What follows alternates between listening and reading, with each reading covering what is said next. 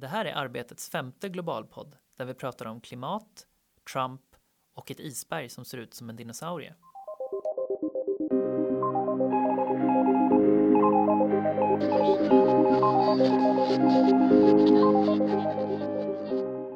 Hej och välkomna till Arbetets globalpodd, den första för 2017. Eh, och vi som sitter här eh, heter, det är jag som heter Kim Nilsson, eh, är webbredaktör på Arbetet. Eh, Erik Larsson som är redaktör för Arbetet Global och även reporter. Hej. Hej. Och så har vi ju en eminent gäst idag, Arbetets reporter Martina Frisk. Tack för att jag fick komma. Välkommen. Ja, vi, eh, senast vi hördes var det ju strax innan nyårsafton 2016 så jag tänkte faktiskt börja kolla lite mer. Hur har, hur har året börjat? Hur har 2017 börjat? Jag vill inte låta som världens pessimist här men det har börjat med sjukdom, kyla. så det kan bara bli bättre skulle jag säga. Jag har inte halkat och slagit mig, det är väl det. Det var Det skönt bra, ja. Ja, och jag ser ljuset efter en eh, lång förkylning så att eh, det är väl lite positivt om man tar för sin personliga del. Sådär. Mm. Ja, men jag, bara på, det har väl är det drygt två veckor nu det kanske gått, så har man ju ändå noterat att, tycker jag då, att det har både varit iskallt, ganska varmt och sen eh, jättekallt igen. Nu är det väl nere på tre, fyra minus. Ja, jag, sånt jag vet inte om det är kallt egentligen liksom för att vara i januari. Du som är klimatexpert Martina, Ja. vad tycker du? Inte den här frågan om definitionen på kyla. ah, ja, okay, jag Får vi kontakta SMH tror jag. Ja.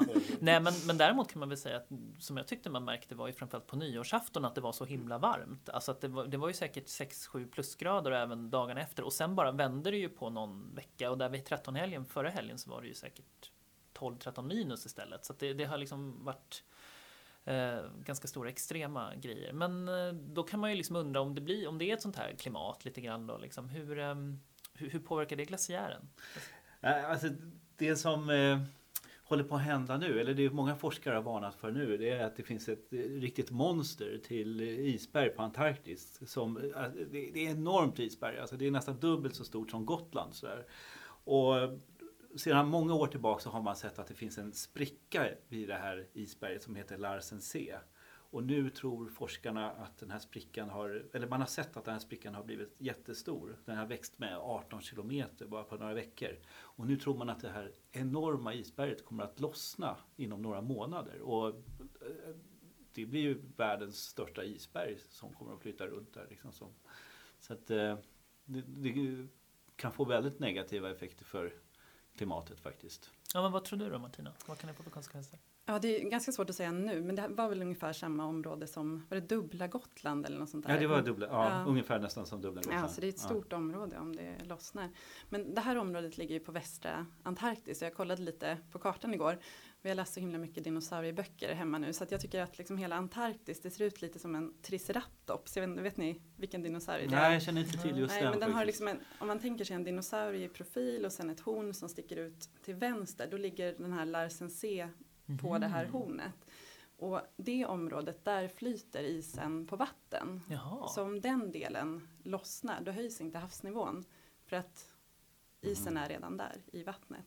Men det som kan hända är ju att de delar av isen som ligger på land kan börja kalva som man säger, att de försvinner ut i havet. Mm. Och då höjs havsnivån. Och jag, jag tror att BBC hade skrivit att de, ja, en väntad havsnivåhöjning på en decimeter kunde komma. Fast det låter ju inte så mycket. Eller? Ja, men även små förändringar kan påverka. Ja, för jag som man vet precis- inom klimatforskningen. Ja, för jag tycker liksom att det här har inte jag hört eller läst så mycket om. Alltså, hur, var, hur kan det komma sig? Det här är ju ändå, skulle jag säga, liksom ändå anta ett, skulle ju kunna bli ett ganska stort problem. Ja, men när jag läste om de här artiklarna med Larsen C, det är lite svårt namn också, sådär. Larsen B Mm. och Larsen A har redan kalvat tydligen. Det är ju Jaha. två andra sprickor. va? Ja, som redan har försvunnit iväg. ja. Eh, Men det jag funderade mest på när jag läste om det här, det är liksom hur svårt det kan vara att nå ut med klimatfrågans betydelse. Liksom en is, ett isområde på en avlägsen plats där ingen bor förutom forskarna som är där. Eh, och i artikeln står det här klassiska att det finns inga bevis på att man kan koppla just den här händelsen till klimatförändringen, men att det är troligt.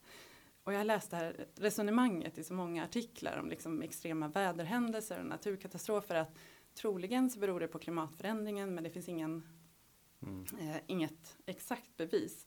Och forskarnas samlade bedömning det är att det finns en klimatförändring. Människorna påverkar, har påverkat det här och att det får liksom stora konsekvenser som extremväder och naturkatastrofer. Men det går liksom inte alltid att koppla till en enskild händelse. Jag tror att det är det som är så svårt i medielogiken. Mm. Att få fram det här konkreta, hur påverkar det i mm. människors vardag? Jag, jag, kan verkligen hålla med. Men alltså det är först nu som man börjar se det där liksom i sin vardag. Det kommer rapporter om märkliga fåglar som spatserar runt i olika människors trädgårdar. Liksom mm. där som inte har funnits här. Och, eh, jag tänker liksom också på det här med att, att det inte finns snö. Liksom, eller liksom att snön kommer väldigt sent och is och sådär.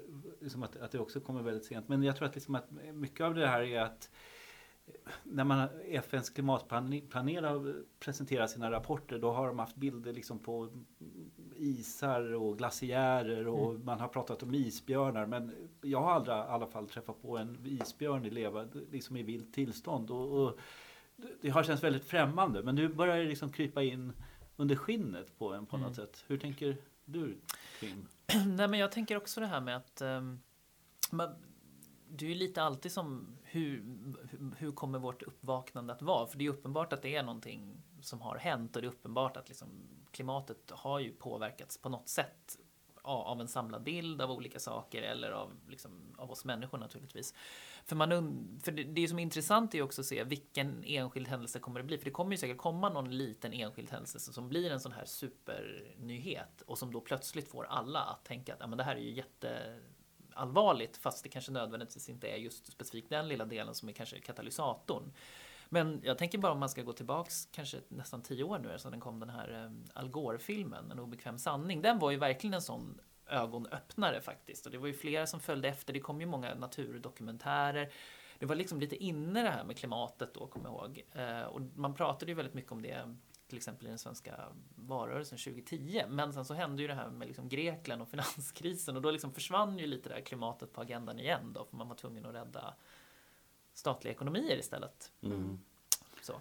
Jag kommer ihåg när jag läste sårbarhetsutredningen, lite torrt namn men en statlig utredning om klimatanpassning i Sverige.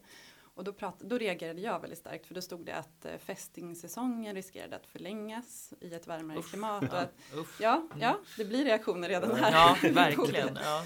och att eh, fästingarna liksom, ja, eh, kommer mer norrut också. Mm. Och det påverkar sjukvården också. Det är mer smittspridande arter läste jag om i den mm. rapporten. Och där kände jag att är det någonting som engagerar människor så är det ju fästingar. Mm. Märkte jag på din reaktion. Ja, och jo. sjukvården.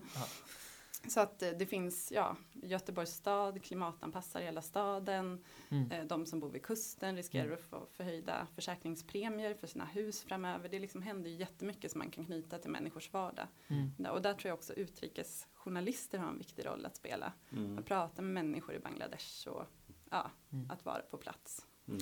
Det låter ju som att det är sådana här saker man måste kanske lyfta fram för att man också, om man nu ska tänka i en lite klickbesatt nyhetsrapportering att det är sånt som det är såna här saker. redaktör man... som pratar. Ja, precis. Det har en webbredaktör som pratar. Nej, men ändå att man måste faktiskt lyfta fram det här för folk. Vet... Men du Martina, du har ju följt eh, klimatrapporteringen länge. Så vad, vad, vad, tänker du om medierapporteringen och hur tycker du omfattningen och sådär har varit?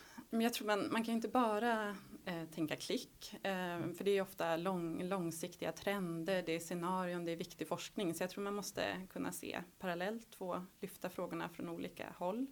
Eh, men eh, jag tror att frågan är kanske inte alltid så inriktad på konflikt och det tror jag kan vara ett problem. Men jag läste en jättesmart analys av Svenska Dagbladets klimatreporter Jenny eh, Stiernstedt och hon hade liksom tagit fram lite siffror om själva bevakningen och i fjol så var det ett rekordår för klimatbevakning. Mm. 56 800 artiklar. Oj. Eh, det Oj. var klimatmötet ja. i Paris. Eh, och även Trump fanns med på scenen på både gott och ont för klimatbevakningen. Men så tog hon även upp att samtidigt så skrevs det lika mycket om World Cup och fotbolls-EM som om klimatet. Det är en mm. intressant siffra att jämföra. Verkligen. Eh, skrivs, skrivs det för lite? Skrivs det för mycket? Um, ja, hon pekade på att svenska folket bekymrar sig mest över miljö och klimat i mätningar. Mm. Före ekonomiska kriser och militära konflikter. Och det är ganska intressant att tänka på, för där kan man känna ibland att medierapporteringen går lite stick och stäv med människors intressen. Hur Eh, tänker du då? Att medierapporteringen går stick i stäv? Ja, men att jag kanske främst tänker på att man kanske inte kopplar olika frågor till klimatet. Säkerhetsfrågan börjar kopplas mer och mer. Stefan Löfven lyfte fram i sin lista där över hot inför Folk och Försvar som var förra veckan. Eh, lyfte han klimathotet som en viktig fråga. Mm. Men jag tycker där har väl ja, Mm. alla ett viktigt jobb att göra. Att väva in och förklara för människor hur hänger frågan ihop med andra frågor. Det, är ju flera som har lyft det här med klimathotet då. Liksom. Ja. flera eh, internationella sammanhang. Ja, precis. Bland annat det här Davosmötet då som börjar imorgon. Vad, liksom, vad, hur kommer klimatet finnas med där tror ni? Eh, Jag tror det kommer finnas med vara en stor del av mötet. Eh, Det samlar ju liksom företrädare för politik, näringsliv och vetenskap och de släppte ju nyligen den här årliga riskrapporten. Och då ska vi se här, har jag lite, lite listning. Eh, De rankar ris- riskerna då både utifrån sannolikhet att de ska inträffa Mm. och utifrån vilka effekter de skulle få om de inträffade. Och när det handlar om sannolikheten för de här riskerna då hamnar extrema väderhändelser som topp ett. Oj. Ja, och på tredje plats så kommer stora naturkatastrofer. Och när det handlar om vilka effekter riskerna skulle få, då ligger massförstörelsevapen högst, vilket Mm. man kan förstå. Men sen kommer faktiskt extrema väderhändelser och vattenkris, naturkatastrofer Mm. och effekter av att inte kunna mildra effekterna och anpassa sig till ett varmare klimat. Ehm, ja, så ja, LOs Karl-Petter To- Ja, Thorwaldsson mm. ska ju dit också. Mm. Ehm, Men vad ska han om- göra där? Vad- Ja, det har väl varit prat om att man ska diskutera skatte Ja, eller hur? Om Ja, jag just inte. Ja. tar helt fel. Men det vore ju spännande om han lyfte klimatfrågan lite och kopplade den till arbetsmarknad. När man pratar om framväxten av förnybar energi, delar av arbetsmarknaden som kan behöva omskolning i ett förändrat klimat till exempel. Mm. Det här be- begreppet just transition har väl du skrivit lite om Erik? Ja, jo, det, handlar ju liksom om- också om att man ska försöka när eh, jobb inom oljeindustrin förs, försvinner då om man nu eh, kan skapa ett då mer klimatsett smart att arbeta då måste ju det här ersättas på något sätt. För risken är om det blir att det blir ett motstånd liksom mot anställda mot att genomföra de här nödvändiga förändringarna för ett mer energismart sätt att producera.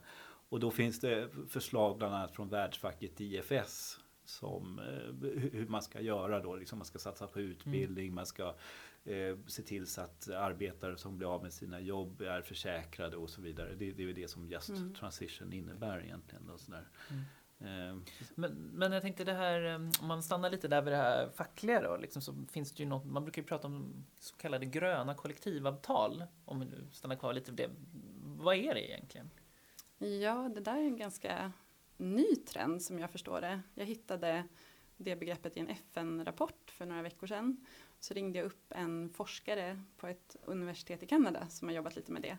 Och de har samlat på sig, ja det är riktiga paragrafer ur kollektivavtal i fyra olika länder. Jag tror det var Kanada, USA och så EU, Storbritannien.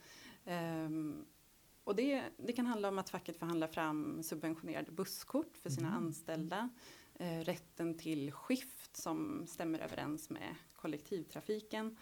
Ehm, och än så verkar ju inte det här ha slagit igenom i Sverige. Jag pratade lite med Handels bland annat eh, som inte jobbade så här idag men de sa ja det är inte helt galet, kanske till och med fullt görligt. Jaha. Det där skulle man ju vilja läsa mer om på Arbete Global i framtiden. Ja, Så- kanske kommer en artikel snart, vem vet.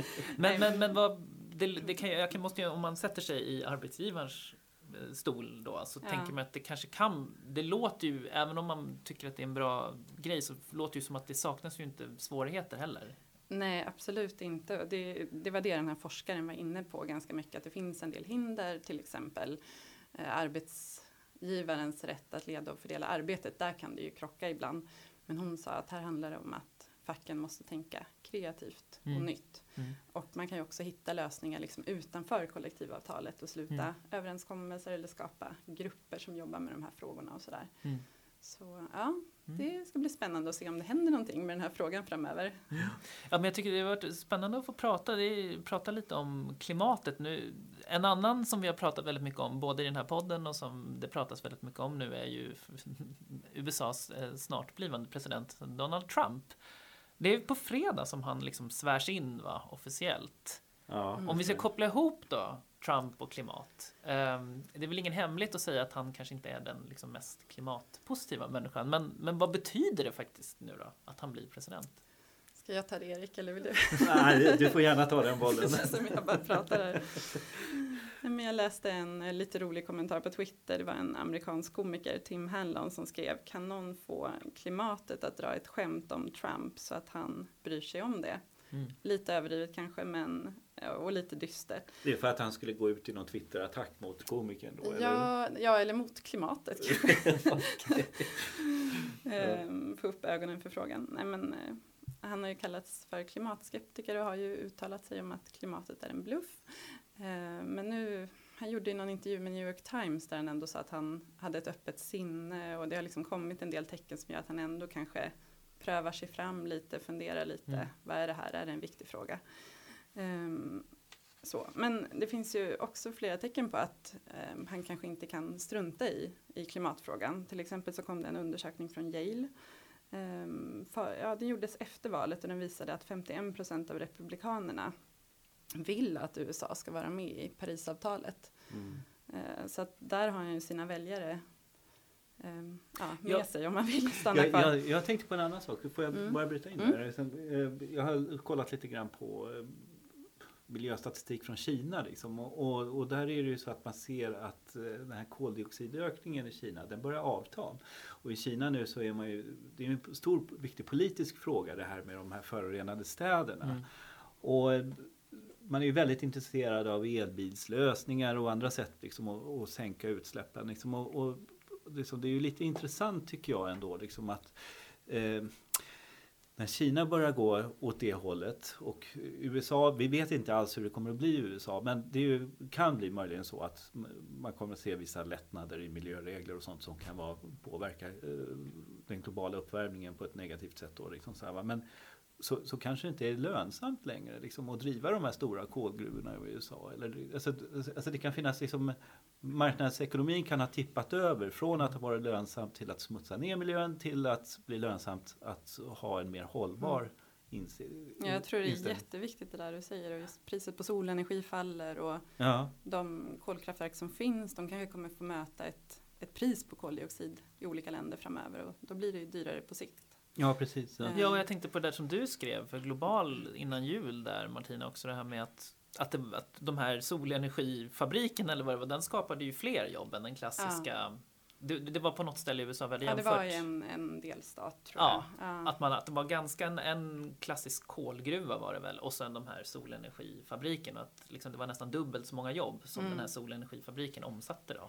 kontra- Men jag tror det här du sa Erik om luftföroreningar, att det är ju någonting som människor verkligen bryr sig om. Eller i alla fall jag, hälsa, Mm. Mm. eh, luftföroreningar i städerna liksom. Och där, Mm. där tror jag att Ja, det blir en politisk kraft i Ja. det på något sätt. Mm. Ja. kan man ju tänka sig att det kan... Eh, Men ja, sen kan man också se att de här utnämningarna som Trump har gjort Mm.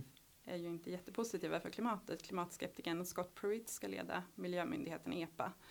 Och han har ju visat att han inte har klimatet så högt på agendan. Han har varit med i det här arbetet, jag vet inte om ni har hört om det, men 28 delstater som försöker stoppa Obamas Clean Power Plan Mm. som ska minska utsläppen från Ja. kolkraftverk. Ehm, ja, och Obama han har ju drivit den där frågan ganska hårt, Mm. lyft klimatfrågan de senaste åren. Eh, han har stoppat byggandet av omdebatterade oljeledningar och där kan man ju undra hur Trump kommer göra, Mm. hur han kommer använda sin makt som president. Ja, det känns ju kanske inte som att han i första hand fortsätter att driva på arbetet åt det hållet kan man säga. Nej, Nej. samtidigt, ja, vi Mm. får se. Ja, nej men eh, och sen så tycker jag, jag ska bara säga kort att jag tänker på det här med att man ehm, men vi har ju även om, om man bara ser tillbaks i Sverige att man, alltså, vi har ju tagit eller det har ju tagits liksom historiskt sett så här, klimatbeslut som, som har visat sig varit väldigt bra. Det var väl på 80-talet där när Birgitta Dahl var miljöminister när de, när de satte en jättehög skatt på, på freoner för att man, de skulle kylskåps Ja, man skulle sluta tillverka Mm. kylskåp med Mm. freoner helt Ja. enkelt. Och det blev ju industrin liksom skitförbannad på. Eh, Men det slutade ju med att de fick ju jättestora ordrar på att de blev först på att ställa om då Mm. istället till det här. Men om vi stannar här lite i USA kanske då. Ja. Vad, vad, vad tror vi om, om fredagen? Ja, alltså det är jättesvårt att säga. Liksom nu precis uh, de här dagarna innan, uh, ja det var igår, i natt tror jag det var, liksom, så kom ett eh, eh, så presenterade brittiska The Times, tror jag det var, en intervju, stor intervju med Donald Trump där han eh, sa att Angela Merkel, Tysklands förbundskansler, gjorde ett katastrofalt misstag när, han lät, när hon lät ta emot så många flyktingar. 2015 tog Tyskland emot omkring 890 000 eh, flyktingar och att han såg det där som ett enormt misstag. Mm. Och det här är ju liksom Trump ska ju träffa henne. Jag menar, nu är det ju val i Tyskland, men om vi tänker att hon kanske sitter kvar då. Liksom efter hon sitter september. ju definitivt kvar minst ett halvår i och med att valet ja, in, men, antagligen inte blir förrän i september. Alltså. Ja. Men, men som om hon även sitter kvar efter det. Liksom, ja. så, mm. så det där kan ju äh, bli väldigt äh, spänt på något sätt. Då, liksom, där, va? Dålig men, stämning. Ja, dålig stämning. Och, men den här veckan i arbetet eh, globalt så kommer vi att skriva om brandmannen Jojo Esposito från eh, New York. Och eh, det är journalisten Jonas Kullberg som har träffat den här brandmannen. Då, liksom där. Och han säger att han är väldigt nöjd med det här valresultatet. Eh, och han säger att eh, Trump kommer få tillbaks tron på Amerika. Och sen så säger han så här. Trump kanske säger galna saker ibland. Men de flesta som röstar på honom tar inte det bokstavligt. Vi ville ha någon opolerad. Någon som inte var en vanlig politiker. Så kanske många amerikaner tänker. Men jag är inte helt säker på att Angela Merkel tänker så. Jag är inte helt säker liksom på att eh, andra politiker i Västeuropa tänker så. Och, och det där är ju Nej, det är ju, för, för, det måste man ju ändå säga, tänker, det, det tänker jag ofta när man ser de här topp-EU-mötena och sånt här, att det är ju ofta företrädare då från länder där man har helt olika ideologisk, så att säga, regeringar med ideologisk inriktning. Jag menar bara Sverige och Norge har ju två helt, en höger och en sosse-regering liksom. Men de kommer ju jättegott överens när de väl träffas i internationella frågor liksom. De, de kanske, men de står inte och debatterar sin politik då, utan då är de mer så att nu ska vi göra det bästa för Sverige och Norge mm. eller för EU. Men just det här är ju som att liksom direkt skicka upp ett, liksom ett långfinger och bara välkommen till Ja, och sen så Ja, det, alltså, vi, kom, kom, vi får se helt enkelt. Det är ingen som vet egentligen Nej. vad som kommer att hända. Det är väldigt osäkert. Liksom. Men det är ändå intressant tycker jag. Vi hade ju en också på Arbetet Global strax efter valet där som berättade lite grann om vilka det är som egentligen röstar på Trump. För man blir ju lite mörk, man blir mörkrädd när man ändå tänker att det gick som det gick kanske. Men, men att det är också intressant ibland att förstå människan liksom bakom rösten lite grann också. Vad, hur tänker de? Så. Ja just det, det var Jonas Kullberg också som skrev ja, om eh, mm. rostbältet i USA. Precis. Liksom, mm. hur vanliga arbetare resonerar kring Trump. Mm. Och då, mm. då var det väl liksom att man var trött på etablissemanget. Ja. Och samma våg kan man ju se nu mm. runt om i flera mm. håll i Europa. Så. Mm. jag funderar på det här med fredag också. Lite hoppfull tänker jag på delstaternas makt. Just det. Kan du berätta lite grann om det? Ja, men jag tänker på Kalifornien Aha. inför klimatmötet i Marrakesh där i december i fjol. Vad, vad, var det Kalifornien gjorde? Alltså, vad, vad är det med Kalifornien? Som... De har ju drivit klimatfrågan eh, ganska hårt, ganska progressiva. De har ett lagstadgat klimatmål till exempel. Men, men det de gör nu det är att utreda om de kan vara med i Parisavtalet även om Trump lämnar och det tycker jag är väldigt spännande. Det känns ju som att Kalifornien håller på att bli någon sorts utbrytarstat. Mm. Alltså, nyligen så kom ju ett besked från Kalifornien där man, alltså deras när staten gör resor, alltså delstaten gör resor så ska man inte skicka dem till, jag tror det var fyra olika delstater som inte ansågs vara HBTQ-vänliga. Mm. Spännande. Och det är ju ganska intressant då liksom mm. att man underkänner då flera delstater. Liksom, och, de är en stor ekonomi också. Så att, ja. ja visst och så kan man ju tänka att man får, det finns ju fler faktorer. De har ju stora forskning och universitets liksom, universitet som ligger där. Man har ju liksom, jag tänker hela den här teknik som ligger där i, vad heter det?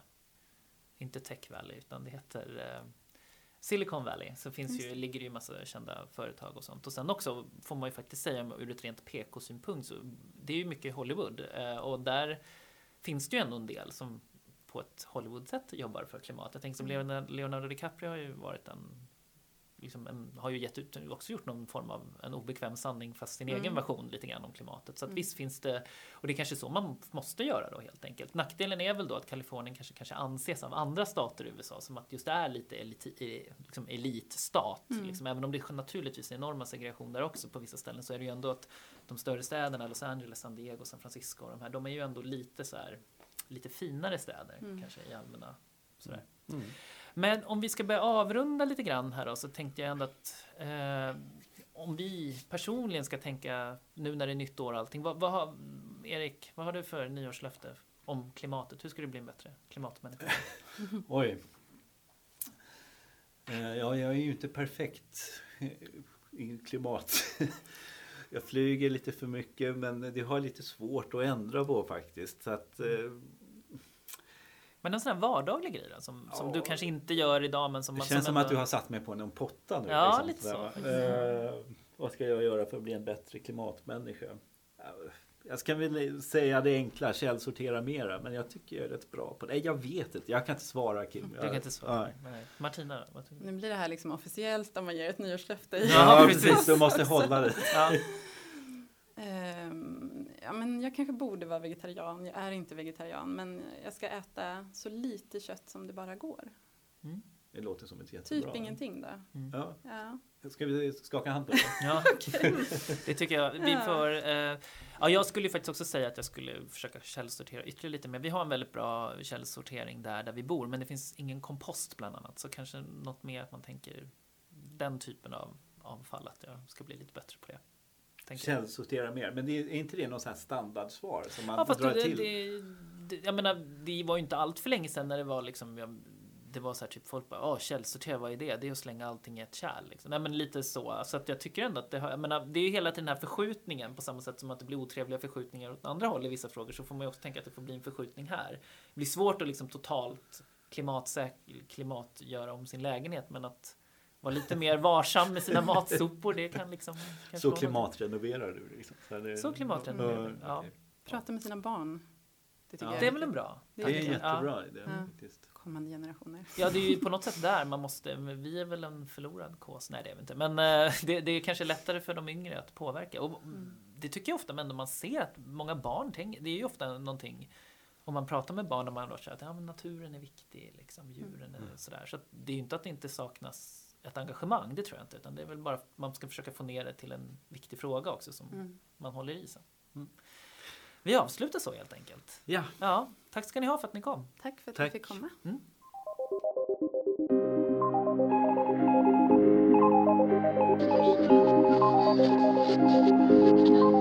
you.